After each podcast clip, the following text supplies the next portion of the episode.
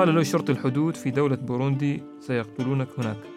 هكذا استقبلته بوابة حدود بوروندي في القرن الأفريقي إنه صالح الخنجري الذي يقطع آلاف الكيلومترات في تجربة السفر عبر التخييم برا بعيدا عن مقصورات الطائرات الفارهة وعن الفنادق خمس نجوم. أهلا وسهلا بكم في السكة. مرحبا صالح في السكة. مرحبا بك. وهذه السكة اللي أنت دخلتها أعتقد أنها سكة مش عادية أنك تكون على سبيل المثال يعني وأنا أبدأ هذه البداية بأن تكون مسجون في دولة في أفريقيا لوحدك لا يصير لديك أي أدوات تواصل مع أي شخص وبعيد عن بلدك أيضا. كيف يمكن أن تجرب هذه أن تصف هذه التجربة وأنت في أفريقيا؟ في آه، يعني ونحن نعرف الكثير عن الصورة الذهنية عن أفريقيا سواء. الحروب أو الجريمة أو الفقر أو الاختطاف مثلا. كيف يصفها صالح في هذه التجربة؟ نبدأ من هذه البداية يعني. في البداية أفريقيا مثل ما تعرفها ويعرف أكثر الناس إن هي دولة إن هي قارة ما بإمكانك حتى تحط رجلك فيها. لأن على بالهم أفريقيا هي دولة قارة خطرة قارة ما فيها عدل قارة فقر مجاعة آه، سرقات. ف... فأنا حبيت أن أكتشف أنه ويش في هذا الدولة في هذا القارة من الخبايا اللي ما بإمكانك حتى تشوفها والإعلام عن نفسي من خلال هذه التجربة أشوف الإعلام ما يوصل الصورة الصحيحة لهذه القارة. يوصل صورة معينة في دولة معينة فقط أو شعوب معينة فقط لكن ما توصل الصورة الكاملة لأفريقيا. فحبيت أشوف ويش في أفريقيا هذه وحبيت أكتشفها وغير الصورة النمطية الموجودة ولا المتركزة في أذهان الناس كثير من الناس إنه على بالهم كل هذه الأشياء. فأول ما وصلت لأفريقيا طبعا كنت خيفان مثل الكل كنت متخوف كثير. لكن من بعد مرور أسابيع مرور آه أيام اكتشفت لأفريقيا عالم مختلف تماما عن عن المتوقع. ف... فوصلت هناك لأفريقيا مثلا بدأت في توقيف السيارات ال hitchhiking وناس كثر يقفوا لي. زين يعني حس حتى حسيت الأمان اللي موجود في أفريقيا أأمن من أوروبا. أنا حسيت هذا أكثر أمان أفريقيا من أوروبا. يعني كنت أوقف سيارات وما كنت متخوف أبدا إنه شخص يجي يسرقني ولا شيء. وأقدر أوصف لك أفريقيا بكلمة واحدة اللي هي غير مضرين. الأفارقة صراحة من خلال سفري لأفريقيا لمدة سنة كاملة في أفريقيا ما حسيت أبدا شخص جاي يضرني. جلست معهم نمت معهم نمت في بيوتهم أكلت معهم تطوعت معهم كله. وما حسيت أبدا في خوف في هذه الفقارة نعم.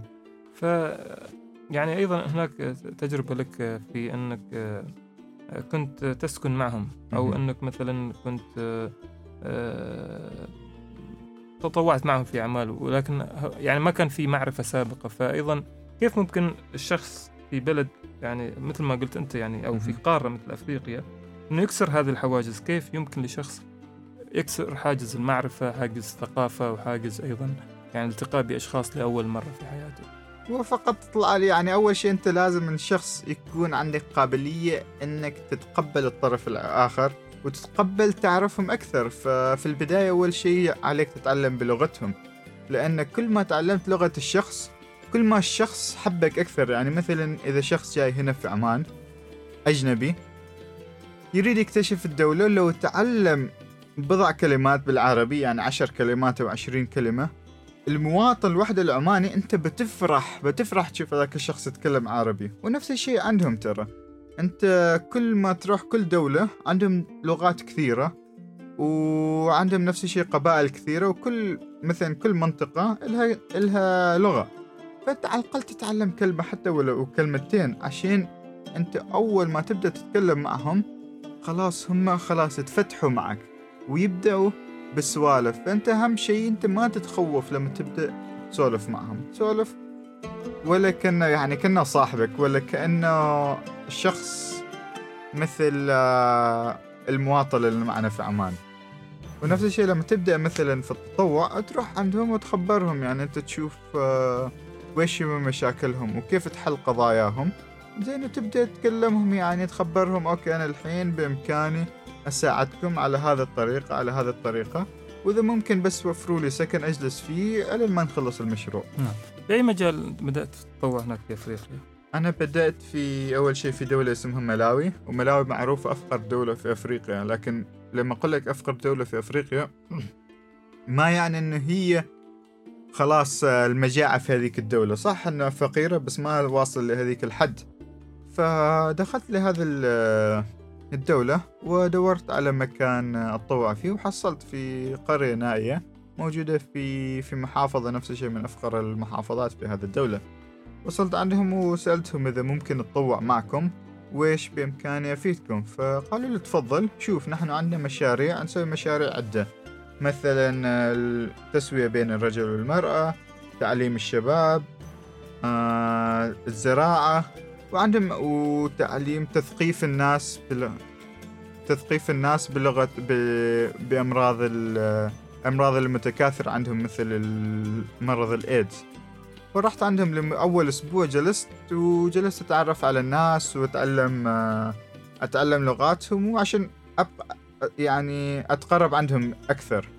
فمن بعدها قررت إنه أبني لهم أبني لي مدرسة مزرعة تكون مستدامة لأن هذيك المدرسة صح في معلمين يدرسوا الأطفال اللي هي هم الروضة والتمهيدي يدرسوهم بس للأسف ما عندهم راتب المعلمين ما عندهم راتب لأنه ما حد يعطيهم رواتب. فابتكرت لهم أعطيتهم فكرة كيف بإمكانك تحصل راتب بدون مساعدات لأن نفس الشيء ما كل شيء مساعدات وما المساعدات ما دائما مستدامة. أحيانا فجأة تتوقف المساعدة وما حد بيساعدك. فأعطيتهم الفكرة أنه هو نسوي مزرعة ومن هذه المزرعة نزرع الطماط والبصل ومن خلال هذا المحاصيل يبيعوه ومن الفوائد البيع هذا ترجع للمعلمين وللطلبة عشان يشتروا أقلام ويشتروا كتب وكذا. فرحت عند شيخ القبيلة وخبرته إذا ممكن تعطينا قطعة من أرض القرية لأن هنا المعروف في أفريقيا وفي القرى. عشان تحصل الأرض لازم تروح عند شيخ القبيلة ما تروح عند الحكومة. هناك ما عند الحكومة تروح عند شيخ القبيلة. رحت عند شيخ القبيلة وسوينا الاجتماع لخمس قرى تقريبا. وكان يتجاوز العدد تقريبا 200 إلى 300 شخص من أهل القرية. وكلمتهم عن فوائد التعليم فوائد التنمية الزراعة المستدامة وكيف بإمكانهم يحصلوا راتب من دون من دون يعني مساعدات مالية. وخلاص يعني بدينا في المشروع على طول من بعد يومين. بعد يومين. وكيف التجربة الآن معهم لسه مستمرة؟ تواصلت معهم الحمد لله. يقولوا المحاصيل تنبت والتجربة ممتازة لحد الحين. جميل. هل في يعني كان مشكلة بأنك أنت يعني أيضا تفعل أو تشتغل على هذه الفكرة؟ في حاجز ثقافي في حاجز اللغة في حاجز الثقة أيضا.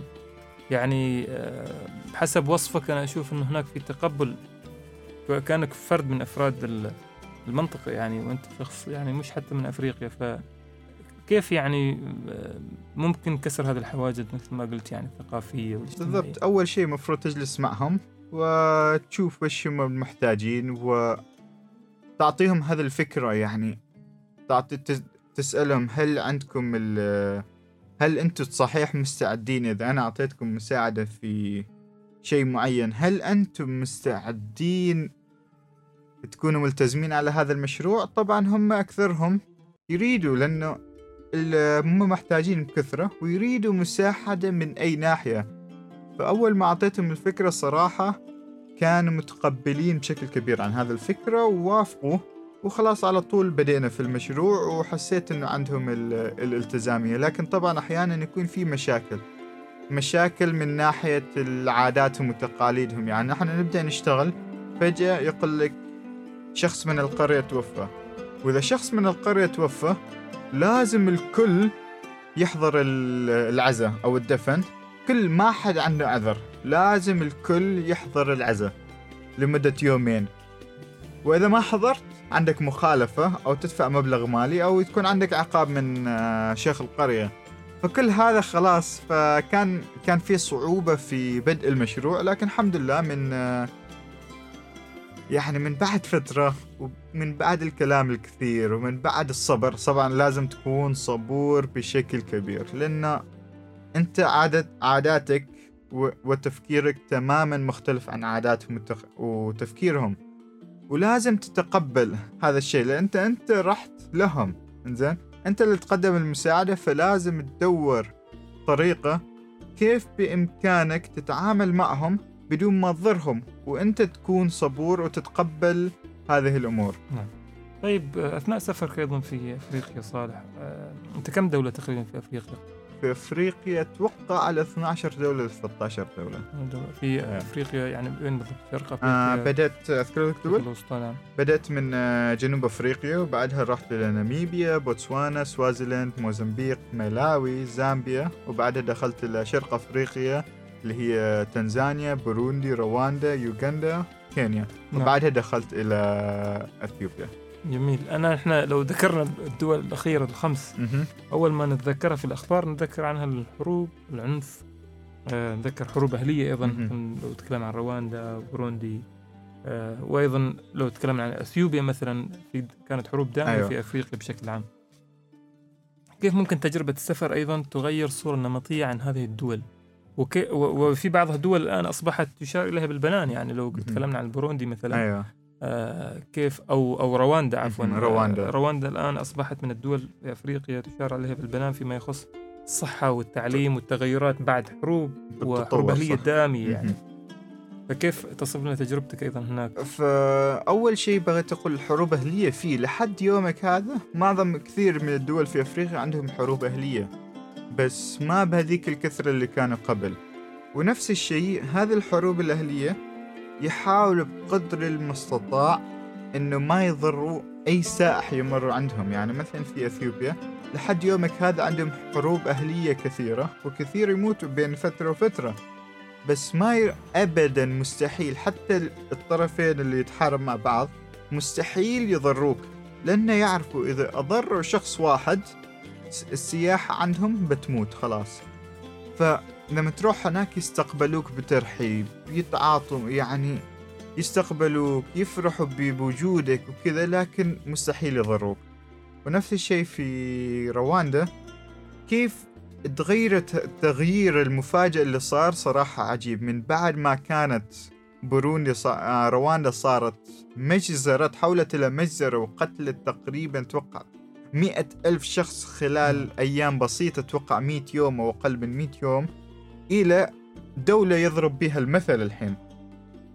دخل من بعد ما صارت هذه المشاكل قال الرئيس ليش كل هذا؟ خلينا في الصلح خلينا نبدأ التغيير. وبالفعل كان عنده كان عنده يعني كان مستعد للتغيير وحول حول الدولة من دولة نائية الناس يذهبوا يهربوا من رواندا يروحوا لبوروندي و... والكونغو الحين صار تماما العكس. هذه الدول يهربوا يروحوا إلى رواندا. نعم. وكيف التغيير؟ يعني هم يقولوا من قبل الحرب لحد اليوم هذه الدول ما تغيرت أبدا. ورواندا كيف تغيرت وصارت؟ يعني يضربوا يقولوا مثلا هي دولة أوروبية مثلا باريس أفريقيا. مم. لأنها تشوف أول ما تروح هناك تشوف عمارات تشوف تغيير ما فيها فساد أبدا. مقارنة بالدول الأفريقية الثانية معروفة رواندا بعدم وجود الفساد. شيء فساد خفيف لكن ما معروفة بكثرة. ونفس الشيء لما تشوف من ناحية اهتمام البيئة. أول شيء في في محميات الغوريلا. الغوريلا المعروفة يجب عدد معين من الناس يدخلوا يشوفوا هذا المحمية لأن ما يريدوا يخوفوا هذه الحيوانات. فخلوا التكلفة باهظة جدا. اللي يريد يشوف هذه الحيوانات لازم يدفع هذه التكلفة الباهظة عشان يساعد في تطوير هذه المحميات. ونفس الشيء يساعد يعني ما كثير النا... ما كثير من الناس يروحوا لي يشوفوا هذه الحيوانات. ونفس الشيء لما تدخل في عالم البيئة. وعالم إنه انه النظافة بوروندي رواندا يضرب بيها المثل كأنظف دولة أفريقية لأن في يوم وليلة قالت ممنوع أي بلاستيك يدخل داخل هذه الدولة. وبالفعل من بعد ذاك اليوم مم ولا بلاستيك دخل وتطورت الدولة بشكل رهيب. حتى أنا لما دخلت الحدود كنت في بوروندي داخل إلى رواندا سبحان الله يفتشوك. زين ما عشان يفتشوك عشان أنت معك مخدرات أو أشياء ممنوعة. يفتشوك بس إذا يشوفوا هل عندك بلاستيك أو لا. يعني لهذا الدرجة من النظافة اللي عندهم. إذا دخلت البلد وعندك بلاستيك بإمكانك تدخل السجن لمدة فتره تقريبا شهرين وغرامة جدا عالية. نعم. لكن هل الناس تعرف عن هذه يعني هل الناس تعرف أيضا عن هذه التغييرات اللي تحصل في أفريقيا؟ بنظرك إيش رؤية أيضا الافريق الأفارقة عن ال- القادمين إليهم؟ لأنه كثير في آه، يعني في فراغ. في فهم الآخر.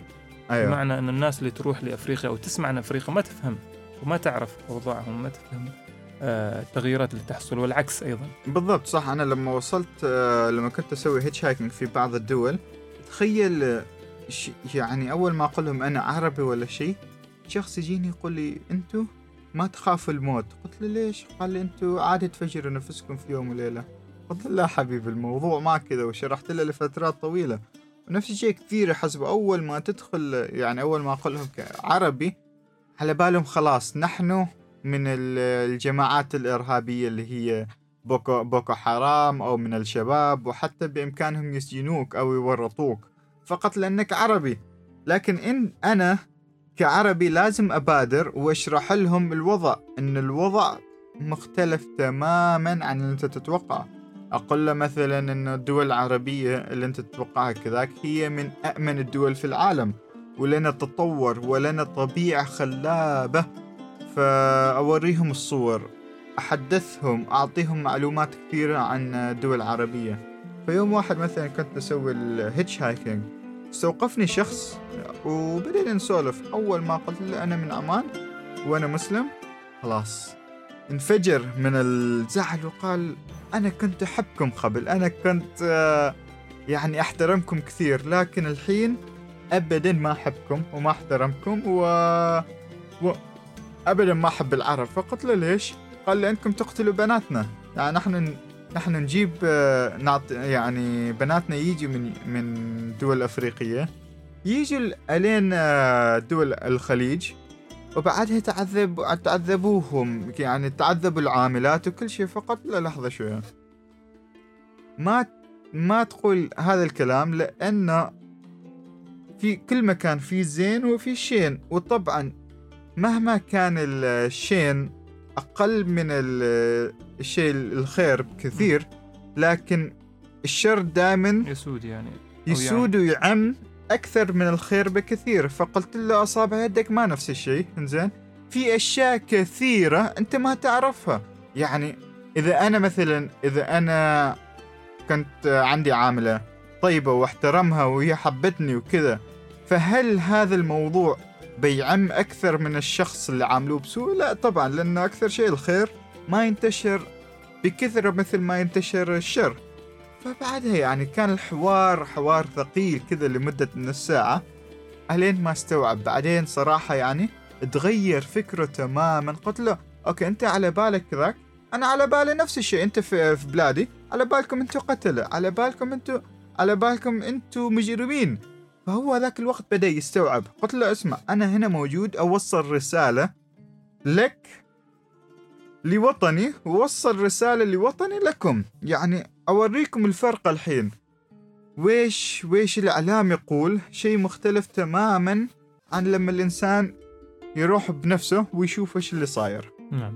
فهناك آه، يعني لما تلتقي بالناس هناك تشوف إنه في فعلا آه، عدم فهم قله في إنه استيعاب آه، اللي يحدث في المناطق الأخرى أو إنه ممكن حتى الإعلام أحيانا يعني يوصل صورة مختلفة وغير آه، كاملة يعني عن عن أكيد. ال- الثقافات أو الدول الأخرى يعني. الإعلام دائما بوجهة نظري يشوه صراحة سمعة آه، دول معينة. يعني لما تروح هذيك الدولة خلينا اسمح لي إذا نطلع شوية من أفريقيا خلينا نقول نروح لإيران. الإعلام شوه سمعة إيران إنه الشخص مستحيل يروح لهذه الدولة. يعني معروفة حول العالم الناس قصدك من ناحية الجرائم من ناحية الجرائم من ناحية الإرهاب من ناحية المشاكل. يعني أي أمريكي ولا أي أوروبي على بال أول ما يروح إيران خلاص بيختطفوه ويطلبوا منه فدية. فهذه الصورة النمطية خلاص ترسخت في ذهون الناس إنه أول ما تروح لدولة إيران خلاص هذه الدولة يعني خاصة يعني يقولوا يطبقوا الشريعة ويقطعوا يدك و وعندهم خلاص أي واحد ما يلبس الحاف ولا شيء يدخل السجن. فالموضوع أنت أول ما رحت إيران تماما مختلف عن اللي يقول الإعلام. يعني الناس هناك تحس صارت إيران من أفضل الدول لي من بعد ما كنت متخوف أروح لها عشان الإعلام. أول ما دخلت إيران حسيت إن إيران صارت من أفضل الدول. كل ما أمشي أول ما يشوفون أجنبي يستقبلوني على شاي بعدها على غدا بعدها يقولوا لي لا أنت ما تطلع من بيت تنام معنا اليوم. فشوف كيف التغير إنزين اللي يصير لما أنت تكون مستعد تريد تحرف خبايا هذيك الدولة. نعم. فايضا يعني آه، لما تعيش التجربة بنفسك تشوف إنه في فرق بين ما يداول الإعلام وبين ما تشوفه أنت أيضا آه، بنفسك. كانت لك تجربة يعني آه، أيضا في إنك حبست تقريبا في بوروندي. تعرضت للسجن في بوروندي ليلتين آه. أو كم ليلة. آه أربع ليالي. أربع ليالي. آه. فربطا بمسألة السفر يعني عادة الناس تروح للسفر لأنها تغير الخروج من من الجو الضغط النفسي ومتاعب الحياة بشكل عام. ولكن أنك أنت تسافر وتروح وتسجن في دولة يعني في أفريقيا وتجد نفسك في غرفة مظلمة وتحقيقات مع رجال الشرطة وكذا يعني. وصف لنا هذه التجربة أيضا. كيف ممكن يعني آه، يكون شعورك؟ وأيضا آه، إيش سبب أنك تكون في موقف مثل هذا يعني في أفريقيا؟ هو أول شيء بغيت أدخل بوروندي لدولة بوروندي لأن بوروندي معروفة بعيدة عن الإعلام وبعيدة عن معرفة الناس وإيش في هذه الدولة وإيش خبايا هذه الدولة. فحبيت أكتشف لأنه حتى لما دورت في, في الإنترنت وحاولت أدور على رحالة ولا مسافرين يروحوا لهذه الدولة ما حصلت أبدا ولا معلومة.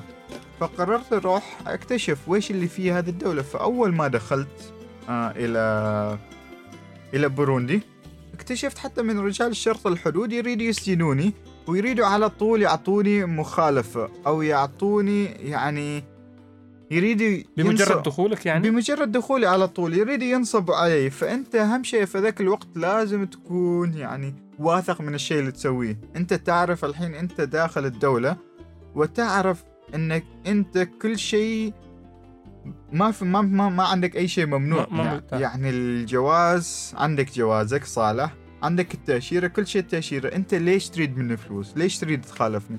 فلازم تكون عندك أخذ وعطاء. اذا إذا شاف الشرط إنك في خوف فيك خوف وما تعرف القوانين خلاص رحت فيها ملح. فأهم شيء تكلمنا أخذ وعطاء مع الشرطة الحدود وبعدها بغى نفس الشيء مبلغ من المال قلت له اسمح لي أخوي. أنا ما راح أعطيك أي شيء. قال أنت تفضل ادخل بوروندي لكن آه، بيذبحوك تراك من بوروندي هناك. فقلت له إن شاء الله ما مشكلة. فتعرف لأنه هو بس يريد يعطيك أكشن يريد يعطيك محاولة تخويفك إنه يهتزك يعني. بالضبط أيوه. فقال له تمام ما مشكلة. طلعت من آه، من شرطة الحدود ودخلت الدولة.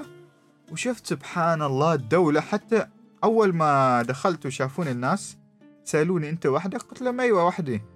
فهم منصدمين وما يعني ما مستوعبين كيف شخص يسافر لهذه الدولة وحده. وكيف تسافر؟ قلت لهم آه، فقط بال hitchhiking لأوقف سيارات. وكذا زادتهم الصدمة يقولي وحدك و hitchhiking وما تعرف اللغة. قلت لهم ما مشكلة اللغة بنتعلم. وأي شخص يوقف لي يدل على كرم هذا الشخص. ونفس الشيء ال hitchhiking هي عبارة عن تبادل ثقافات. فبدأت في ال hitchhiking وكذا وألين ما استوقف آه نزلت مكان وبدأت آه أمشي إلى قرى. ألين ما فجأة صارت لي مشكلة مع بعض المحليين وبدأنا في النقاش إيش الطويل. المشكلة اللي حدثت هناك؟ بس فقط هم يريدوا يشوفوا جوازي. زين وطبعا ما طعت جوازك لأي شخص. ما تعرف إيش هذا الشخص هل بيسرق جوازك ولا ج... لا وكان طبعا الشخص شوية سكران. فقلت له اسمع أنا ما راح أعطيك جوازي. وخلص الموضوع. فبغى يشيل الشنطة وبغى وبغى يعني بغى يضاربني بشكل هذا.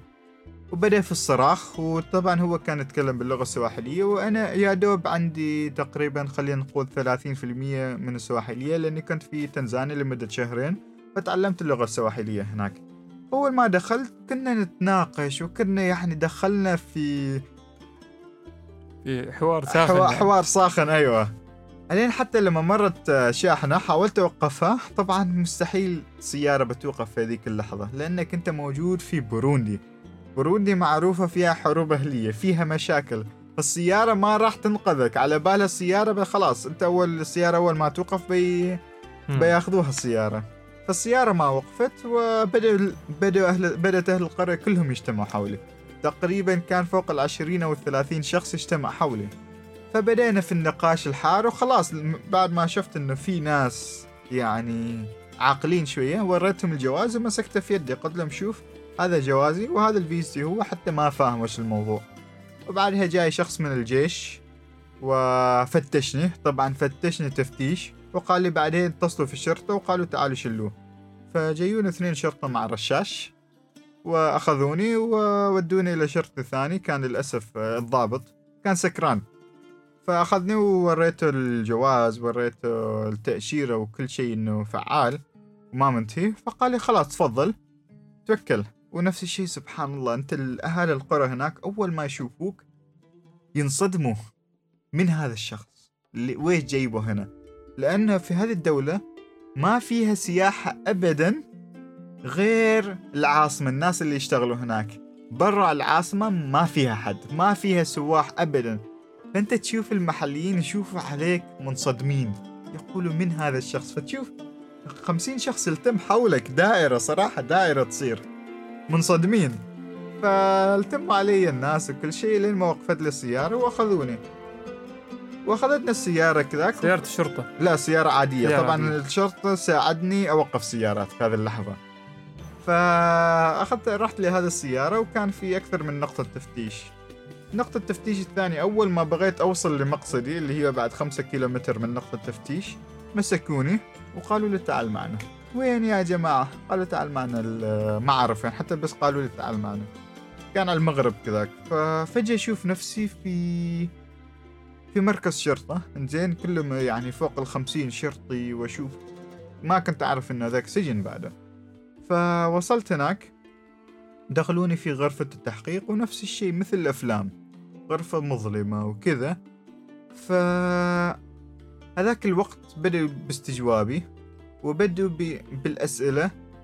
لهين قالوا خلاص مدة لمدة ساعة بعدين قالوا لا أنت اليوم تنام عندنا.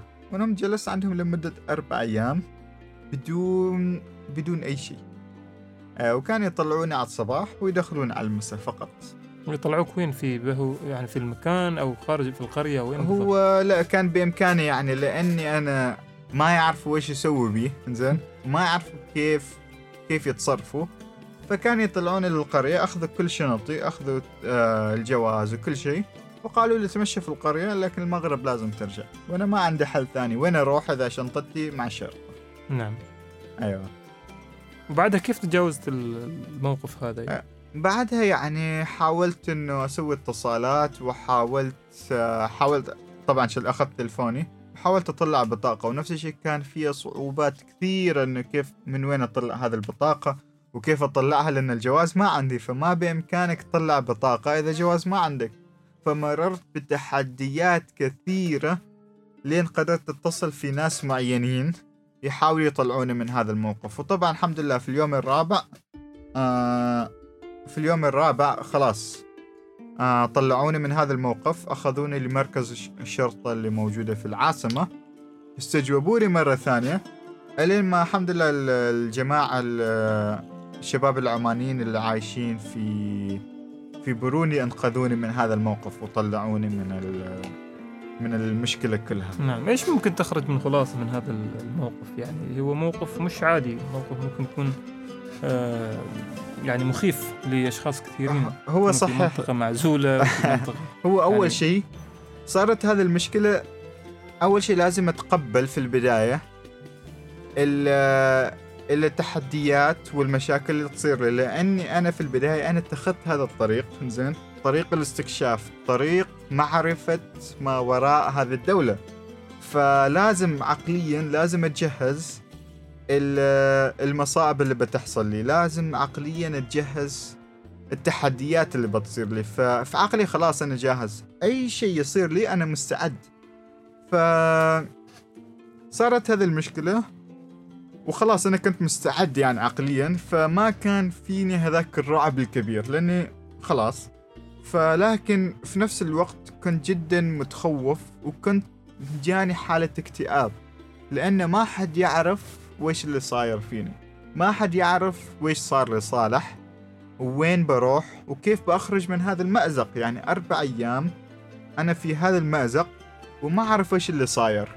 هل بيطلعوني اليوم؟ هل وكل يوم يوم ورا يوم أنا متخوف ما أعرف إيش اللي كيف بيصير؟ كان تتوا... كنت تتواصل معهم؟ هل يتحدثوا الإنجليزية مثلا أو سواحلية؟ بعضهم هم كانوا يتك... يتحدثوا الإنجليزية لكن أساسيات الإنجليزية. فكان كنا نتكلم كنت أتكلم ببطء وكنت أحاول أكلمهم أساسيات اللغة الإنجليزية لين توصل لهم المعلومة. ف كنت عايش صراحة نفس الشيء في في حالة خوف في حالة إنه أنا متخوف بشكل كبير وإيش اللي بيصير. إنزين؟ ونفس الوقت كنت آه، أحاول إني أجتاز هذا الخوف. إنزين؟ إني اتعلمت كيف لازم أتنفس بعمق. إنزين؟ وأهدي من عمري. إنزين عشان ما يبين ما أبين للشرطة إني متخوف. بعدين ما الحمد لله تجاوزت هذه المرحلة. وتجاوزت مرحلة إنه خلاص إنه مدة الأربع أيام ما ما كل شيء هذا. فبيطلعوني يوم من الأيام إن شاء الله. وبيصير ال- الأفضل. فكنت دائما إيجابي وكنت دائما مهما اللي يصير أحاول أتفائل بإيجابية. نعم. لو اتجهنا إلى أمريكا اللاتينية. واتجهنا للمكسيك عندك نعم. تجربة في المكسيك أيوه آه السينما كثير من الأفلام في هوليوود أو بشكل عام السينما يعني تقدم آه أفريقيا وتقدم أيضا أمريكا ال- اللاتينية بأنها آه يعني المافيا القتل العنف أيضا العصابات فكيف كانت تجربتك أيضا في المكسيك وكيف كانوا أيضا هم آه، رؤيتهم لسائح عربي مثلا؟ ولكن أنت مش سايح تعيش في فندق خمس نجوم أو مهم. أربع نجوم لا أنت سائح يمكن تقطع المدن عبر آه، النقل البري أو سيرا على الأقدام أو أنك أيضا يعني تكون على جانب الشارع تقضي ليلتك يعني في خيمة مثلا. هو أحلى شيء في أول ما وصلت في آه، المكسيك أحلى شيء في المك... المكسيكيين ما عندهم عنصرية. فكنت مهما قلت لهم إني عربي أو مسلم ما كان عندهم أي مشكلة وما كان عندهم أي مانع يعني يستقبلوا أي شخص. فمن هذه الأسباب خلتني صراحة أعشق هذه الدولة. في البداية قبل ما أدخل للمكسيك كنت متخوف بشكل كبير. كنت متخوف وإيش اللي بيصير لي أول ما أدخل المكسيك؟ هل بيقتلوني؟ هل بيختطفوني بيعطوني مخدرات حشيش؟ وإيش اللي بيصير؟ لكن أول ما دخلت هذيك الدولة وتعاملت مع الناس شفت إن هم ما, ما عندهم أي عنصرية تجاه العرب ما عندهم أي عنصرية تجاه الإسلام فارتحت بشكل كبير. ونفس الشيء هم الم- المكسيكان. لما تشوف الإعلام مثل ما قلت تشوفهم كشوهة سمعة المكسيك بشكل كبير. الإعلام والأفلام الهوليوود كخلاص هناك اللي يشرد من العدالة يروح للمكسيك اللي يريد يهرب مخدرات يروح للمكسيك اللي يريد يقتل يروح للمكسيك. فهذه كانت صورتي لكن في أول ما وصلت وشفت كيف أخلاق ال- المحليين وشفت كيف يستقبلوني وشفت كيف يتعاملوا معي خلاص عشقت هذيك الدولة وصارت أفضل دولة لي. نعم. كيف تصف تجربتك هناك معهم في السكن والعيش مع ال... مع السكان المحليين أيضا؟ أنا أعتبر المكسيك بالنسبة لي صارت لي يعني مع المحليين كونت عائلة معهم فنمت معهم لأسابيع واحتفلت معهم في احتفالات احتفالاتهم في في السنة الجديدة في الكريسماس اللي معهم عندهم عادات آه جميلة. فجلست معهم وسولفنا وتكوننا عائلة يعني حسيت نفسي أنا موجود في أمان من كيف هم معروفين المكسيكان كيف آه التماسك الاجتماعي التماسك. الاجتماعي معهم نفس العمانيين. فعلى طول يعني أنا موجود في المكسيك مع العوائل حسيت نفسي موجود في أمان مم. كيف من ناحية إنه إنه كيف التماسك العائلي. جميل. الآن خلال تجربتك خلال السفر خلال 800 يوم من السفر طبعا أنت كنت تبدأ بدأت السفر قبل أن تستقيل من وظيفتك كمهندس نفط وأن أيوة. تخرج من هذه الدائرة اللي تسميها أنت. دائرة الراحة. أيوه. الآن إيش خططك يعني بالنسبة لل... لل... للمناطق المقبلة اللي تريح تريد تروح تستكشفها أيضا؟ هل عندك عادات معينة أيضا؟ لأنه يعني السفر وخوض تجارب أحيانا يحتاج أنك توثق هذه التجارب. إيش آه. العادات اللي تعملها أيضا- أيضا قبل التخطيط لأي سفر؟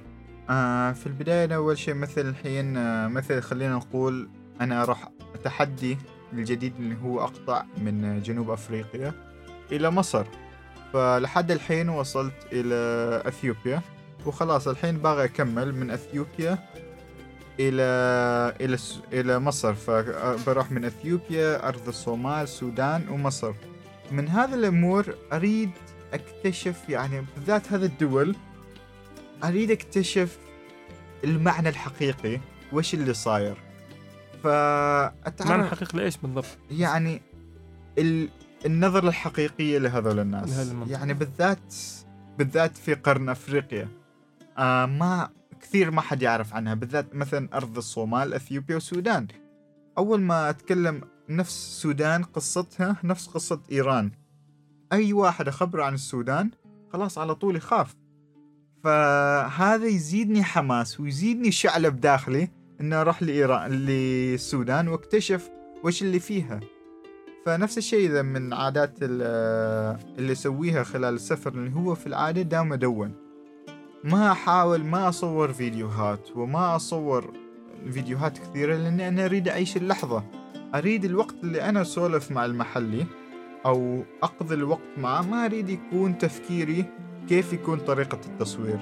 كيف أقضي مثلا أصور بهذه الزاوية أصور بهذه الزاوية عشان أوري للناس فأهم شيء عند التدوين فالقصة أنا اكتسبها أخليها في العقل وبعدين في الليل ولا في يوم ثاني أحاول أدون وإن شاء الله في التدوين هذا إن شاء الله بنخرج فيها فيها بكتاب نعم أيوة. إذا عندك خطة أنك تصدر مثلا كتاب عن تجارب سفرك في ال- إن شاء الله أكيد أكيد في. نية إن شاء الله أخرج بكتاب الآن ال- إيش المناطق اللي راح آه، تكون موجود فيها خلال نقول يعني خلال السنة المقبلة.